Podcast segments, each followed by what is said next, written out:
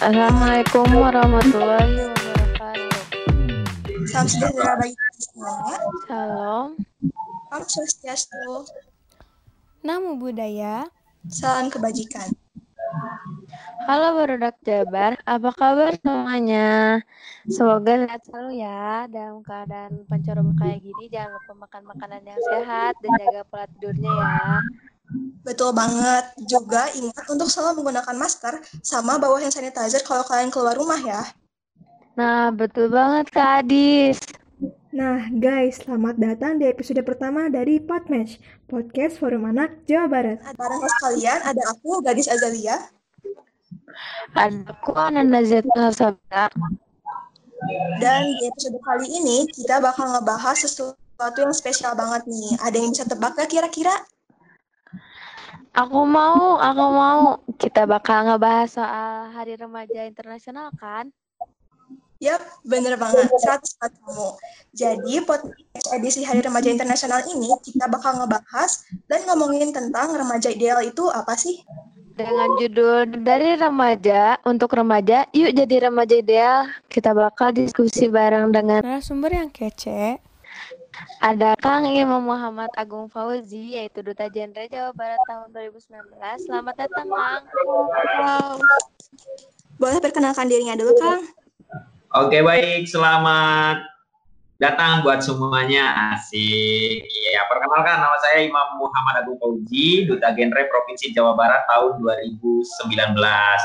Kalau domisili saya dari Kabupaten Kuningan ya. Saya senang sekali hari ini bisa berdiskusi nih ya tentang Hari Remaja bersama Forum Anak Jawa Barat ya. Terima kasih adik-adik Akang semua telah memberikan kesempatan ke Akang untuk sama-sama berbagi berkaitan dengan Hari Remaja Internasional. Wah, kita juga terima kasih kembali ya Kang udah uh, bersedia untuk menjadi narasumber di acara podcast kali ini. Nah, Kang. Sebelumnya panggilannya gimana nih? Kang Imam atau Kang Agung? Kang Fauzi? Boleh panggil Kang Imam aja ya biar gampang. Oke, siap Kang.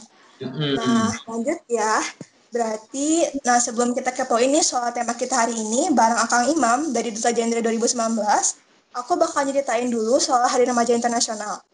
International Youth Day atau Hari Remaja Internasional adalah hari perayaan yang dicetuskan oleh PBB pada tahun 1998 dan diperingati pertama kali pada tahun 2000 setiap tanggal 12 Agustus. Selain dijadikan sebagai hari peringatan khusus untuk merayakan hal-hal yang berkaitan dengan remaja, hari ini juga dijadikan sebagai ajang bagi remaja-remaja di dunia untuk saling berbagi ilmu pengetahuan dan juga informasi. Nah, buat kalian yang belum tahu nih, remaja sendiri ialah orang-orang yang berada di kategori umur 15 sampai dengan 24 tahun. Berdasarkan hasil survei penduduk antar sensus tahun 2015, penduduk usia 15 sampai dengan 24 tahun di Indonesia mencapai jumlah 42 juta dan 61,2 ribu atau sebesar 16,5 persen dari total penduduk di Indonesia. Nah, dari hasil proyeksi penduduk menunjukkan bahwa pada tahun 2030 sampai dengan 2040, Indonesia akan mengalami yang namanya bonus demografi, yaitu kondisi ketika jumlah penduduk usia produktif lebih besar dibanding dengan jumlah penduduk usia tidak produktif. Selanjutnya, pendidikan karakter sangat penting dibagi, diberikan bagi remaja, apalagi fase tersebut adalah fase di mana manusia mengalami perkembangan psikis dan fisik. Kehadiran teknologi membawa banyak keajaiban bagi kehidupan manusia, namun malapetaka bila tidak digunakan secara baik. Remaja di masa sekarang menggunakan media sosial dalam kegiatan sehari-hari, dari mulai belajar, belanja, berkomunikasi, hingga mengunggah dalam kegiatan sehari-hari. Sayangnya, tidak bisa dipungkiri juga bahwa dampak buruk dari media sosial dapat menyebabkan perilaku berisiko para remaja. Contohnya, perundungan daring hingga hilangnya rasa kepercayaan diri. Dalam rangka perayaan Hari Remaja Internasional tanggal 12 Agustus 2020, kami Forum Anak Jawa Barat mengusung tema bagaimana remaja Jawa Barat dan Indonesia memaknai Hari Remaja Internasional dengan judul topik dari remaja untuk remaja, yuk jadi remaja ideal dengan harapan dapat memberikan pesan-pesan berada positif yang dapat dipraktekkan dalam kehidupan sehari-hari oleh para remaja. Wah, oke. Okay. Makasih atas penjelasannya. Nah, dari kita udah ngomong latar belakang nih, sekarang kita bakal siap banget untuk ngobrolin soal topik kita hari ini bareng narasumber kita, Kang Imam. Cek aja yuk langsung kita ngobrolin soal topik kita kali ini. Jadi ini Kang, dari uh, pertanyaan pertama banget yang bakal kita bahas adalah tentang bagaimana seharusnya remaja memaknai Hari Remaja Internasional, Kang. Oke, baik. Untuk adik-adik akan semuanya, untuk para remaja, khususnya di Jawa Barat, umumnya di uh, Indonesia, berkaitan dengan Hari Remaja ini, ya, kita tahu bahwa Hari Remaja itu jatuh pada tanggal 12 Agustus, ya. Nah, besok nih kita akan memperingati Hari Remaja, ya. Oke, untuk teman-teman semua, berkaitan dengan Hari Remaja ini, memaknai Hari Remaja di tanggal 12 Agustus ini, bahwa kita sebagai remaja kita tahu bahwasannya remaja itu adalah penerus bangsa gitu. Nasib bangsa ditentukan oleh remaja. Ketika remaja hari ini bisa melakukan kebaikan, maka nanti ke depannya dipastikan Indonesia akan menjadi negara yang emas gitu. Nah, kalau hari ini remajanya tidak berkualitas, ya jangan harap uh, Indonesia 2045 menjadi negara yang emas. Nah, oleh karena itu, kita sebagai remaja hari ini harus bisa memanfaatkan momentum di mana fase-fase remaja ini adalah fase-fase produktif untuk melaksanakan aktivitas positif. Berbicara mengenai generasi muda bukan hanya tentang bebas berekspresi, tapi lebih kepada bagaimana menggali potensi diri untuk meraih sebuah prestasi. Artinya, memaknai hari remaja ini, kita harus nah, mengintrospeksi diri apakah selama ini ketika kita sebagai remaja sudah melakukan hal positif apa untuk perkembangan dan kemajuan negara kita, khususnya negara Indonesia. Jangan jauh-jauh skupnya, kita skupnya Jawa Barat saja. Apa yang telah kita berikan untuk Jawa Barat ketika hari ini kita berusia remaja. Tanggal 12 Agustus diperingati sebagai Hari Remaja. Artinya di 12 Agustus ini adalah penguatan marwah. Ya marwah remaja itu harus muncul kembali gitu. Semangat semangat juang remaja itu harus kembali digelorakan agar negara kita bisa menjadi negara emas di tahun 2045 banyak cara untuk memaknai hari remaja ini. Dengan apa? Dengan melakukan hal-hal positif. Seperti halnya yang telah dicanangkan oleh BKKBN Provinsi Jawa Barat ya pada tanggal 12 uh, Agustus ini itu ada yang disebut dengan uh, aksi charity ya. Nah, hmm. semangat 2125 keren menuju Jawa Barat juara lahir dan batin. Jadi untuk tahun ini BKKB Jawa Barat bersama Remaja Genre Generasi Berencana Provinsi Jawa Barat itu akan melaksanakan kegiatan aksi serentak di 27 kabupaten kota secara bersamaan dalam rangka memperingati Hari Remaja Internasional yang jatuh pada tanggal 12 Agustus ya.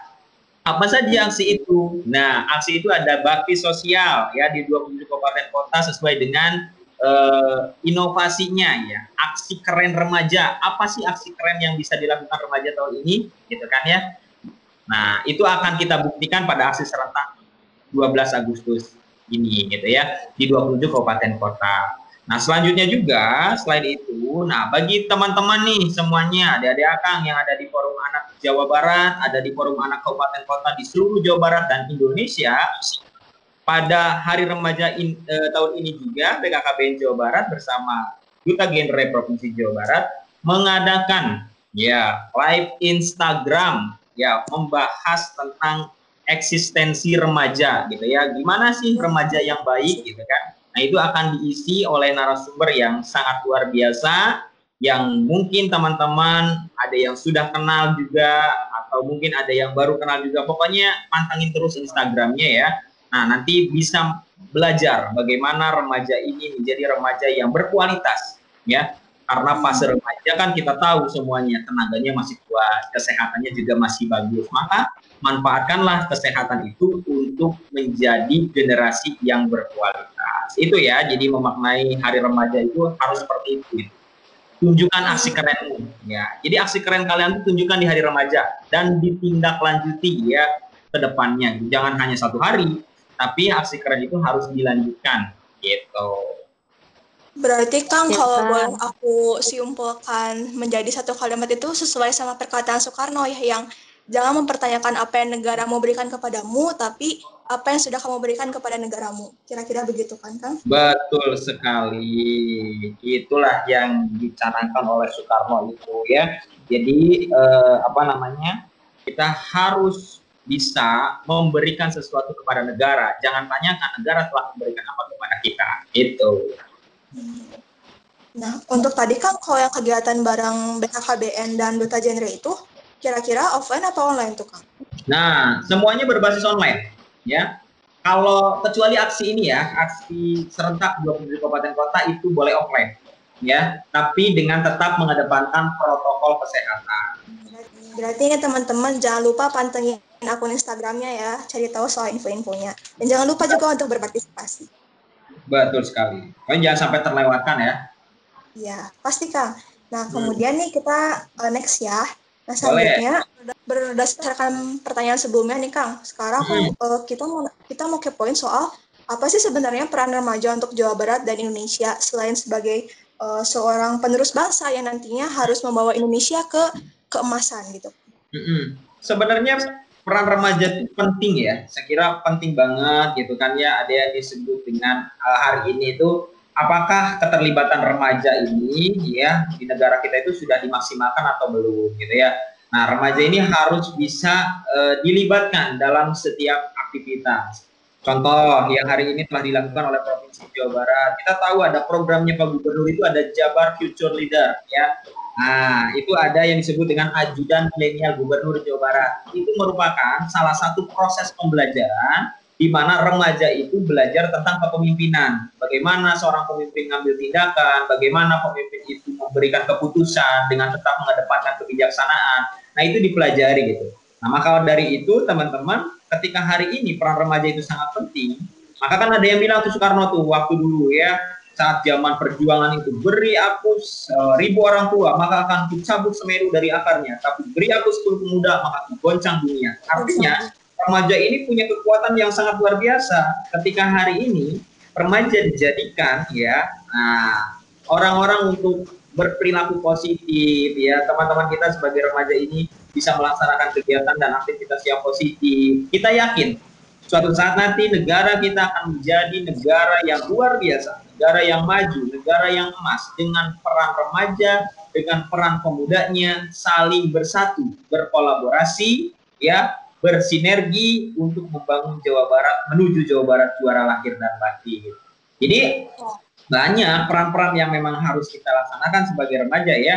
Nah, teman-teman nih adik-adik akang yang hari ini di forum osis eh forum forum anak ya sorry di forum anak daerah Jawa Barat ya forum anak ya. Jadi teman-teman nanti bisa uh, bergabung tuh ketika sudah berusia remaja untuk ikut kegiatan di PKKBN melalui duta genre. Itu jadi berjenjang. Hari ini teman-teman sudah dididik di forum anak daerah, nanti dilanjutkan ke genre atau generasi berencana. Pada intinya di genre ini kita sebagai generasi berencana itu itu punya salam ya namanya salam genre ya tangannya itu seperti ini bentuknya tiga dan ada nolnya ya ini bukan uh, kampanye ya tapi ini mengatakan katakan tidak pada nikah dini pada seks bebas ya dan pada narkoba. Ya. Jadi generasi remaja yang berkualitas adalah yang menghindari triad KRR. Apa itu triad KRR? Triad KRR adalah tiga ancaman dasar kesehatan reproduksi remaja, ya. Apa yang bisa mengancam? Nah, satu ketika kita nikah dini, kenapa sih BKKBN membuat tagline ataupun uh, apa namanya hashtag ya tagar 2125 keren. Nah, itu adalah mengajarkan bahwasannya kalau kita ingin menikah, 21 untuk perempuan, 25 untuk laki-laki. Secara psikologi juga ini udah bagus. Secara reproduksi sangat bagus karena usia 21 itu perempuan itu bagus untuk uh, melakukan reproduksi ya. Artinya dalam hal ini boleh untuk menikah. Kalau hamil di luar usia 21 itu pinggulnya masih sempit, ini bahaya. Jadi akan berakibat pada kematian ibu dan anak. Karena faktor utama dari kematian ibu dan anak itu menikah di usia anak dan menikah di usia dini. Nah, kan di teman-teman forum anak daerah juga untuk tidak menikah pada usia anak ya. Nah, perkawinan anak kan. Nah, Itu juga Siap, sama di. BKKBN, di Dendre juga kita bahas bagaimana menjadi remaja berkualitas itu adalah 21, 25, keren ya. Jadi Akang 25, Neng 21, baru boleh. gitu. Terus selanjutnya selain menikah dini juga tidak untuk seks bebas ya. HIVS ini sangat mengancam ya. Jadi sekarang teman-teman ada virus COVID ya, tapi dulu juga sudah ada virus HIVS dan belum ada obatnya sampai saat ini. Maka dari itu hindari seks pranikah ya, apalagi adik-adik kami yang masih punya usia pelajar ya. Fokus dulu lah pada pendidikan ya. Jangan apa namanya mengedepankan pacaran ya. Nah, ini juga berbahaya. Berarti bukan tidak boleh sebenarnya. Tapi ada batasan-batasan. Kalau sudah terlanjur eh, pada apa namanya pacaran yang beresiko nah ini yang bahaya kita tahu ya di Jawa Barat di kabupaten kota di seluruh Jawa Barat juga banyak kasus-kasus hamil di luar nikah nah ini yang bahaya ya jadi jangan sampai coba-coba untuk melakukan seks di luar nikah. Satu kali mencoba, nyeselnya seumur hidup. Ya. Depresinya seumur hidup. Karena yang akan hancur bukan hanya karir, tapi keluarga, ya kan? Masa depan juga itu hancur. Nah, hati-hati makanya jangan sesekali untuk coba-coba dengan hal ini. Yang ketiga, yang lebih parah lagi, yaitu narkoba yang namanya narkoba, nah generasi-generasi muda ini aduh hati-hati sekali. Narkoba itu tidak pernah pandang bulu. Mau orang muda, mau orang tua, mau kaya, mau miskin, kalau sudah pernah mencoba narkoba, semua bisa dilakukan. Ya. Maka akan timbul kriminalitas nanti. Nah, Hmm. makanya jangan coba-coba apa pun jenisnya.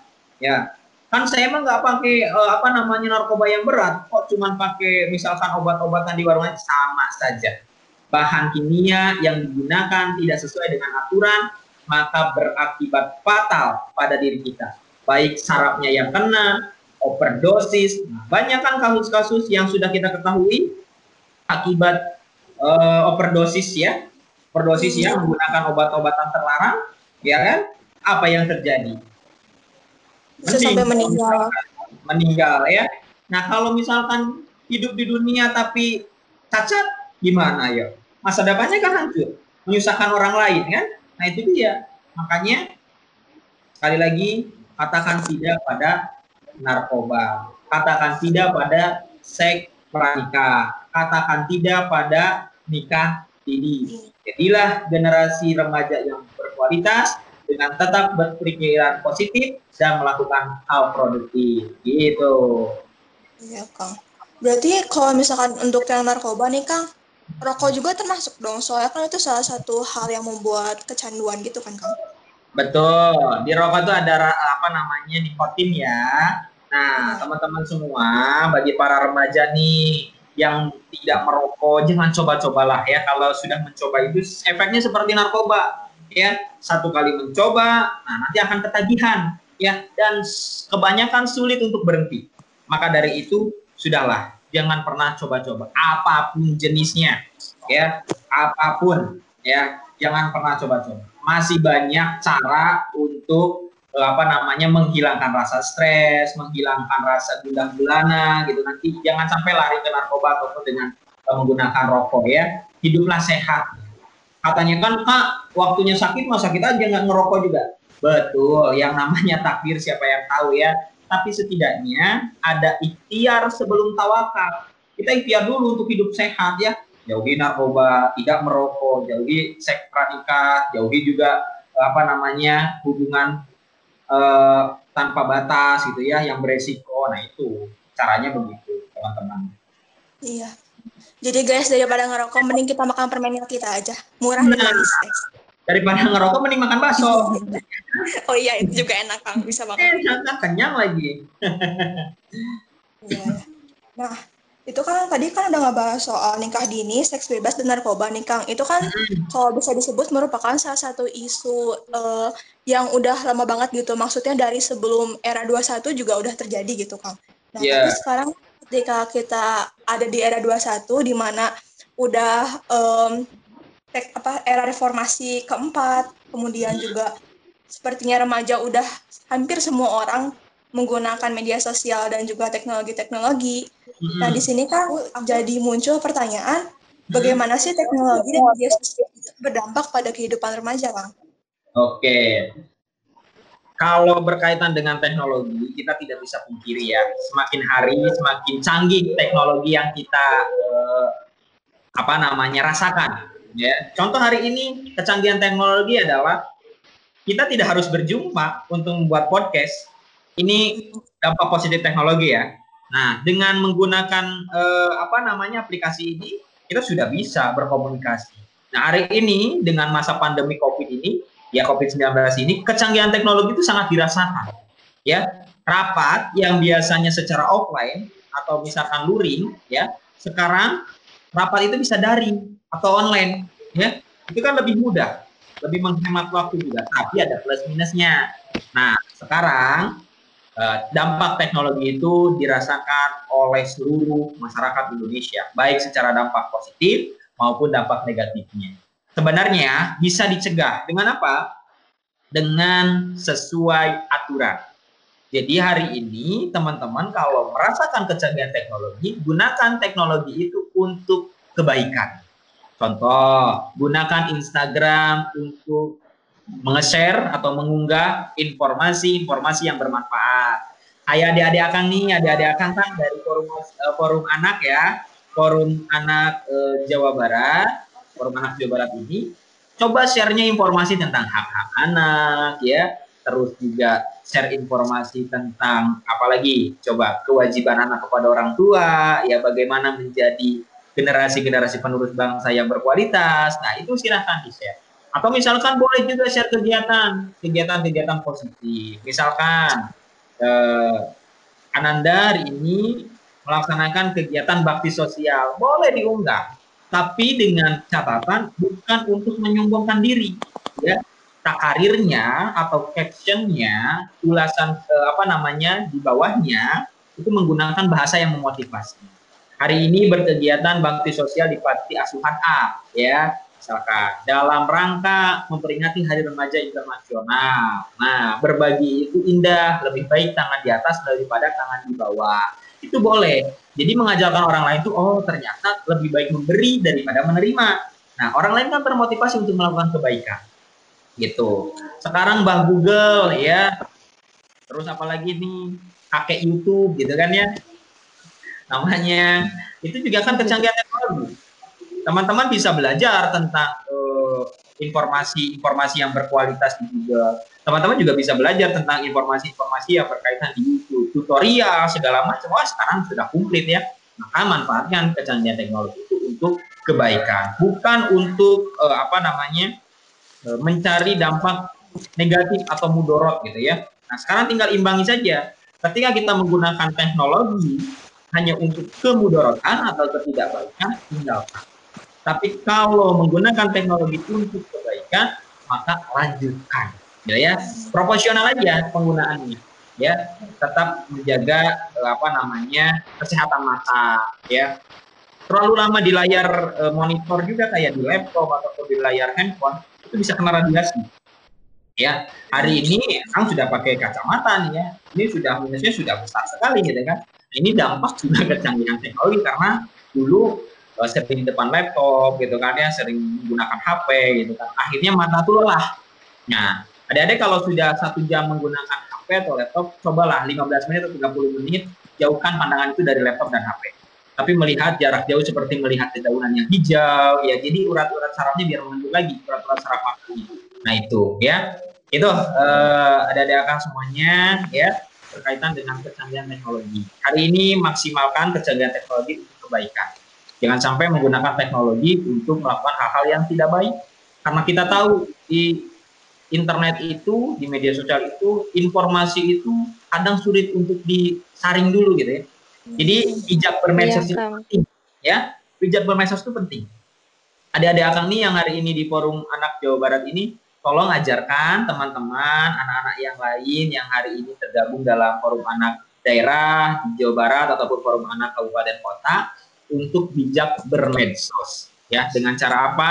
Dengan cara proporsional dalam menggunakan media sosial. Jadi kan media sosial itu untuk ladang amal atau ladang kebaikan gitu. Oke Kang, siap siap. Oke. Nah, tapi kan di, uh, di sini nih, kan kayak udah udah Akang bilang kan ada dampak negatif dan positifnya di sini.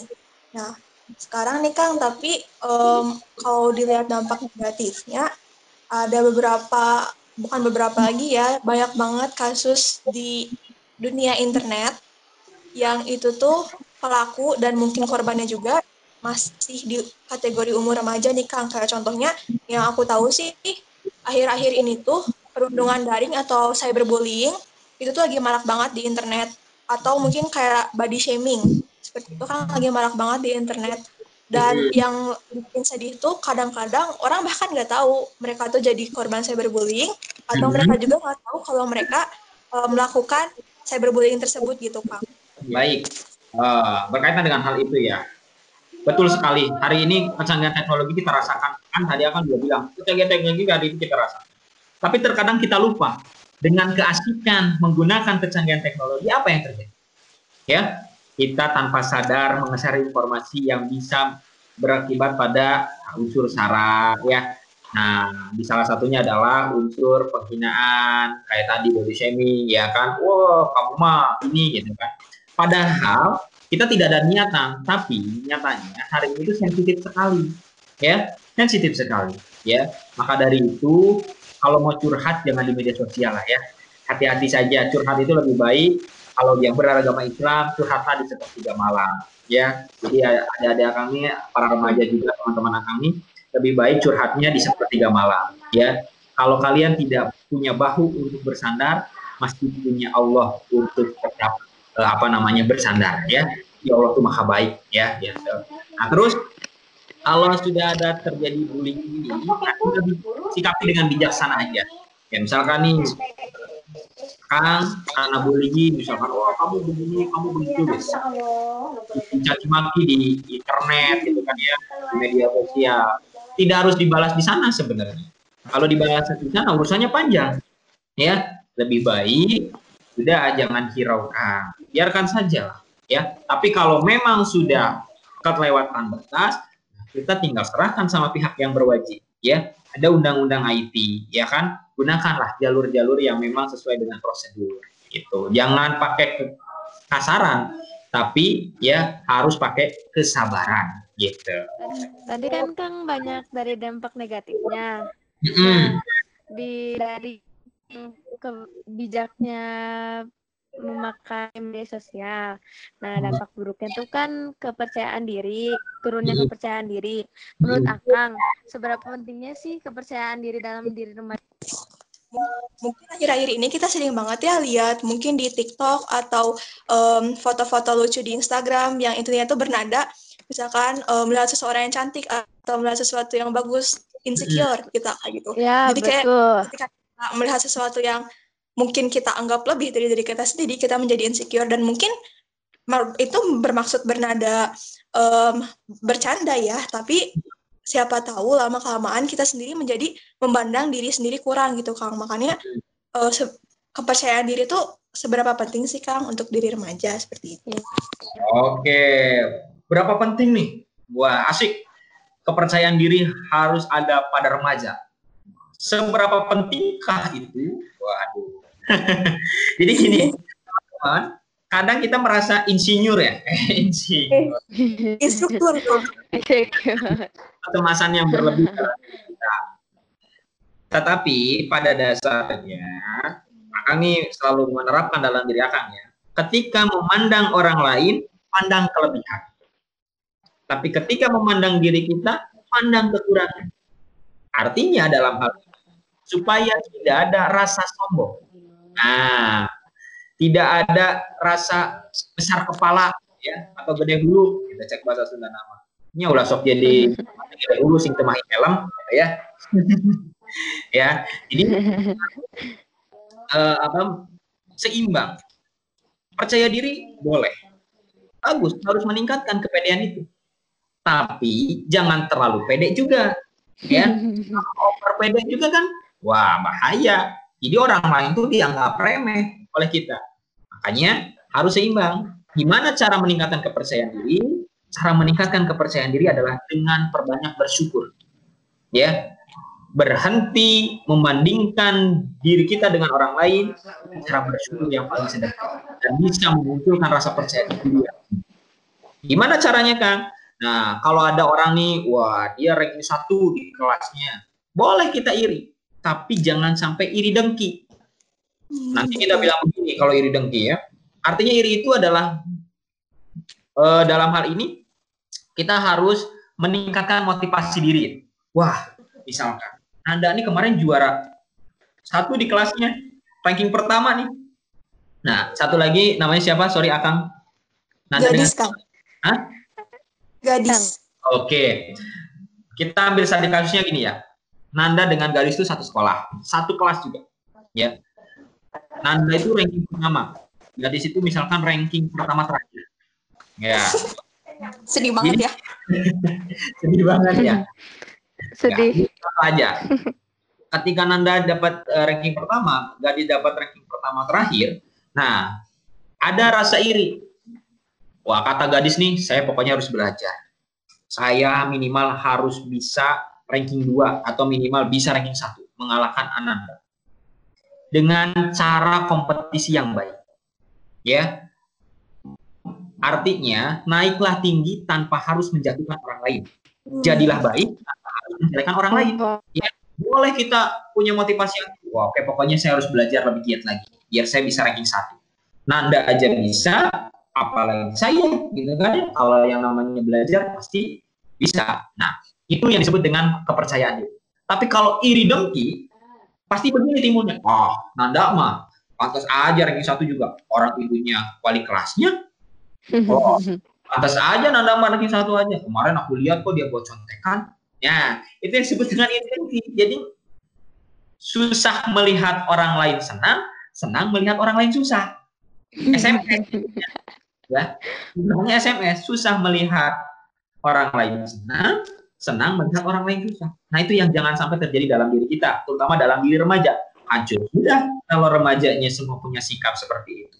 Ya tapi harus jadilah remaja yang memiliki uh, memiliki sorry yang memiliki sikap yang positif dan sikap yang baik.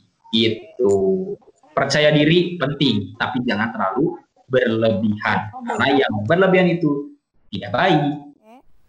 Kata Akang tadi kan selalu bersyukur. Nah, contoh apa yang harus diterapkan dalam hal itu? Oke. Contoh sederhana dalam bersyukur ya. Nah, hari ini gini, Akang boleh ya pakai bahasa Sunda ya, da sok rasa geningan hari tengah bahasa. Dan Jawa Barat ya, kadang lo boleh. gitu ya. Akang boleh lah pakai bahasa Sunda ya. Jadi eh, diadakan begini, cara bersyukur paling sederhana itu adalah menikmati kehidupan dan menjalaninya. Itu paling sederhana. Berhenti membandingkan diri kita dengan orang lain. Ketika itu bisa membuat hati kita iri dan Perbanyak bersyukur. Kurangi mengeluh, perbanyak mengallah. Artinya, perbanyak mengallah ini adalah perbanyak ibadah, banyak bersyukur, perbanyak sedekah. Nah, seperti itu cara-cara sederhana. Kita hari ini Allah diciptakan dengan bentuk yang sempurna. Mata dua, taruhnya di atas. Proporsional dan autofokus. Coba. Kalau sekarang ibarat mata itu seperti lensa kamera, mau lihat orang, putar dulu dong. Kayak kayak kayak itu sahanya gitu kan ya. Mau lihat seseorang itu kan harus diputar dulu karena tidak autofokus. Tapi Allah kan adil. Hari ini mata diciptakan proporsional dan autofokus. Nah, itu satu. Kedua, ketika mata disimpannya, ada nggak yang sekarang, e, misalkan Anda atau gadis, sama akan digaji nih, 10 juta, cari. Mau nggak? Mau, Kang. Mau, tapi Mau, matanya ke jari telunjuk. Mata pindah kan ya kan? Mau nggak? Kalau mau lihat situasi dan kondisi di kamar mandi, gampang, tinggal masukkan tangan ke lubang kunci, ya kan? Tapi pas nyolek sambal, ayo, mau nggak? Pedih kan? Ya. Nah, terus telinga, Nih, telinga kita kan gimana bentuknya? Proporsional kan? Bagus, ya? Nah, terus juga lunak, ya? Betul nggak? Betul, betul. Mbak, kalau telinga kita keras, seperti kayu, yo, gimana jadinya? Nanti Nanda sama gadis itu, wah tiap hari beli bantal. Karena Nah, itu cara bersyukur paling sederhana eh, ada-ada kan semuanya. Jadi cara bersyukur yang paling sederhana adalah menikmati kehidupan dengan segala hal yang telah diberikan dan berhenti membandingkan diri kita dengan orang lain yang berlebihan. Artinya, boleh kita ingin seperti orang lain untuk dijadikan motivasi, tapi dalam kebaikan jangan dijadikan iri dengki. Gitu. Hmm, boleh. Uh, buat selanjutnya, Kang, Mhm. Akang sebagai Duta Genre Jawa Barat 2019. Nah, peran Duta Genre dalam menyebarkan pesan positif untuk remaja itu kayak gimana sih, Kang? Atau apa aja, Kang? Nah, kalau di forum anak ada yang disebut dengan ramah anak, betul nggak? Betul, Kang, ada. Nah, di Genre juga punya tuh, ya, dengan menyampaikan sosialisasi ramah remaja. Nah, jadi punya program, misalkan sosialisasi ramah remaja itu seperti apa sih? Nah, sosialisasi ramah remaja itu adalah yang disesuaikan dengan remajanya, ya, sesuai dengan tempat, sesuai dengan kriteria yang memang harus disampaikan, bahasanya juga sesuai dengan usianya. Seperti itulah, tidak beda jauh, ya kan, dengan eh, forum anak lah, ya, itu tidak beda jauh dengan forum anak, itu hanya tingkatannya lebih tinggi dari anak ke remaja sebelum ke dewasa. Jadi remaja itu adalah fase Hmm. ya, fase peralihan. Betul nggak? Ada fase pubertas kan? Nah, tapi Iya. kan ketika dari anak mau dewasa kan melalui fase remaja dulu. Atau teman-teman nanti Nanda dan Gandhi gadis ini mau langsung fase dewasa, nggak menikmati fase remaja. Peran- Perannya penting banget. Peran-peran ketika duta genre itu ya bagaimana tadi menghindari remaja itu dari triad KRR. Ya, masih ingat nggak triad KRR apa? Masih, Kang. Apa? Itu kan yang tadi yang Yang kita seks bebas narkoba. ya narkoba sama itu. Triad KRR itu tiga, tri itu kan tiga, adiknya Ya. itu ancaman dasar. KRR-nya itu adalah kesehatan reproduksi Oh iya. remaja. Oh iya benar. Ya, Nah, Kang, yang pertanyaan dari Nanda tadi itu merupakan pertanyaan terakhir kita dalam pembahasan hari ini nih, Kang. Jadi, em, dari sini aku mau menyi- menyimpulkan dulu apa yang dibicarakan oleh Kang eh, Imam ya. Jadi, yang pertama nih, kita kan tadi udah ngebahas mengenai bagaimana sih kita harus memaknai Hari Remaja Internasional. Nah, kita tuh nih, aku dan teman-teman remaja yang lain, kita harus tahu bahwa kita adalah generasi penerus bangsa. Kita harus mampu untuk membawa Indonesia ke zaman keemasan. Kita harus bisa memanfaatkan momentum bonus demografi di tahun 2030 sampai dengan 2040 nanti untuk eh, membawa Indonesia ke Indonesia yang lebih baik lagi. Di mana sekarang juga nih kita kan lagi di waktu lagi remaja, merupakan em, umur-umur yang lagi produktif-produktifnya banget kayak gitu tuh. Jadi kita harus berusaha untuk berprestasi, kemudian melakukan perkembangan dan kemajuan untuk wilayah kita dari Jawa Barat dan Indonesia. Kemudian juga kita harus bisa menggelorakan semangat remaja, semangat eh, para pemuda-pemudi. Seperti itu. Nah, terus kita juga harus sadar kalau misalkan peran remaja itu penting banget. Karena selain kita harus menjadi pemimpin, kita juga harus bisa untuk berkolab- berkolaborasi dan bekerja satu sama lain untuk membawa kebaikan dan kepositifan bagi negara kita tercinta ini. Nah, dengan caranya salah satunya tadi ada yang tiga KK, tiga KRR juga, dan kita juga harus melakukan yang anti dari ada saham gender tadi tuh, yang nikah dini, seks bebas, dan narkoba. Tiga hal tersebut haruslah kita jauhi. Seperti itu. Nah, terus juga nih, tadi kita kan udah bahas soal teknologi dan media sosial. Aku sendiri yang masih remaja ngerti kok media sosial itu emang rame banget karena kita bisa ngelakuin segala hal di situ. Tapi kita harus ingat untuk memanfaatkan media sosial eh, dengan cara yang bijak, dengan cara eh, kita harus dapat menjadikan media sosial kita sebagai platform bagi kita untuk menyebarkan kepositifan, untuk menyebarkan sebagai ladang ilmu kita, ladang pahala kita juga. Kan lumayan ya dapat pahala dari hal-hal simpel, sesimpel mungkin men-share uh, info-info mengenai hak anak, kemudian info-info mengenai doa, belajar, dan sebagainya macamnya. Terus buat teman-teman nih yang mau berekspresi di media sosial, jangan lupa untuk mengekspresikannya secara baik juga karena kita harus menghormati orang lain. Jangan mau egois sendiri. Jadi ketika kalian curhat, kalian bisa aja nih dibentuk ke dalam puisi, dibentuk ke dalam cerita atau komik dan dijadikan cerita, uh, perasaan kita sebagai sesuatu yang menjadi karya yang dinikmati, yang dinikmati oleh orang lain juga. Seperti itu. Terus jangan lupa jangan lupa juga nih kita remaja-remaja Indonesia dan Jawa Barat sekarang harus selalu percaya diri, tapi jangan juga jadi terlalu percaya diri karena nantinya kita akan jadi sombong dan malah melihat orang-orang di bawah kita. Jadi kayak tadi kata Kang uh, Agung ya, SMS ya Kang kayak uh, kita harus senang melihat orang lain, jangan kita senang melihat orang lain susah gitu. Oke, baik. Gimana? Boleh gak ceritain kesan pesan Akang mengikuti acara Podmatch kali ini? Oke, boleh.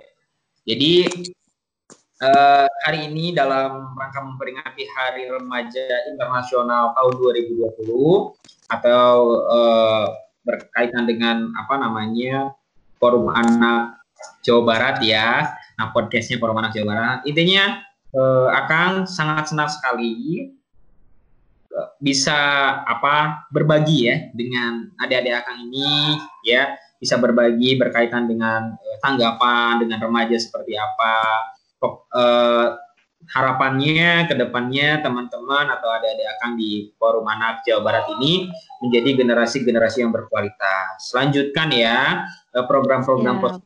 Ya, pokoknya nih seperti podcast-podcast seperti ini itu mohon untuk ditindaklanjuti ke depannya ya dengan narasumber-narasumber yang luar biasa lagi ya, dengan narasumber-narasumber yang lebih berkompeten lagi dan berterima kasih banyak sudah mau e, memberikan waktu atau kesempatan kepada Akang untuk berbagi. Ya, mudah-mudahan segala amal kebaikan yang telah kita lakukan hari ini dijadikan pahala oleh Allah Subhanahu wa taala ya. Tetap berperilaku positif ya, tetap melakukan aktivitas produktif ya walaupun hari ini masih dalam fase ataupun masa pandemi Covid ya. Ingat remaja hari ini adalah pemimpin di masa yang akan datang. Jadi jadilah remaja yang berkualitas ya, jadilah remaja yang punya ide-ide cemerlang, punya inovasi yang baik. Hari ini inovasi akan terwujud dengan kolaborasi. Nah, biasanya remaja juga punya ide-ide positif ya, punya visi. Ya.